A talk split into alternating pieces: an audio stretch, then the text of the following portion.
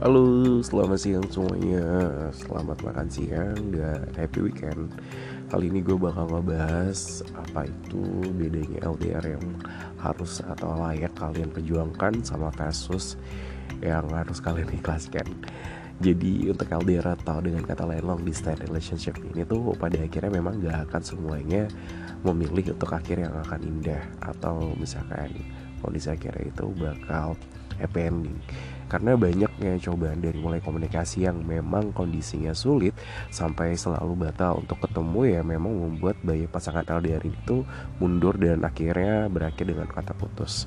Meski dengan kayak gitu, ternyata memang masih ada pasangan LDR yang kondisinya ini masih tetap berusaha untuk tetap bertahan dan berharap dengan kondisinya yaitu happy ending. Dan untuk para pasangan LDR ini merasa atau satu sama lainnya harus tetap memperjuangkan cinta dan terus berusaha untuk bersikap tangguh. Nah untuk itu bagi kalian yang memang saat ini sedang menjalani LDR dan kalian juga harus kenal ini mana perbedaan pasangan LDR yang memang kondisinya layak untuk diperjuangkan sama yang memang seharusnya kita ikhlasin aja.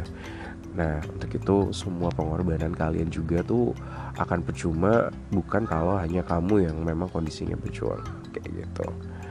Dan yang pertama, jadi tuh LDR yang layak diperjuangkan adalah hubungan yang dilandasi dengan rasa saling percaya.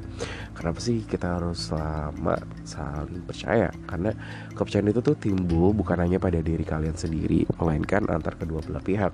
Percuma juga nih kalau misalkan lo yang percaya dia, tapi dia yang raguin lo, buat apa? Dan ketika itu jika memang kondisinya hanya kalian yang percaya namun dia ragu itu tandanya ya memang dia pasangan LDR yang sebaiknya lo ikhlasin aja karena cuma buang-buang waktu aja sih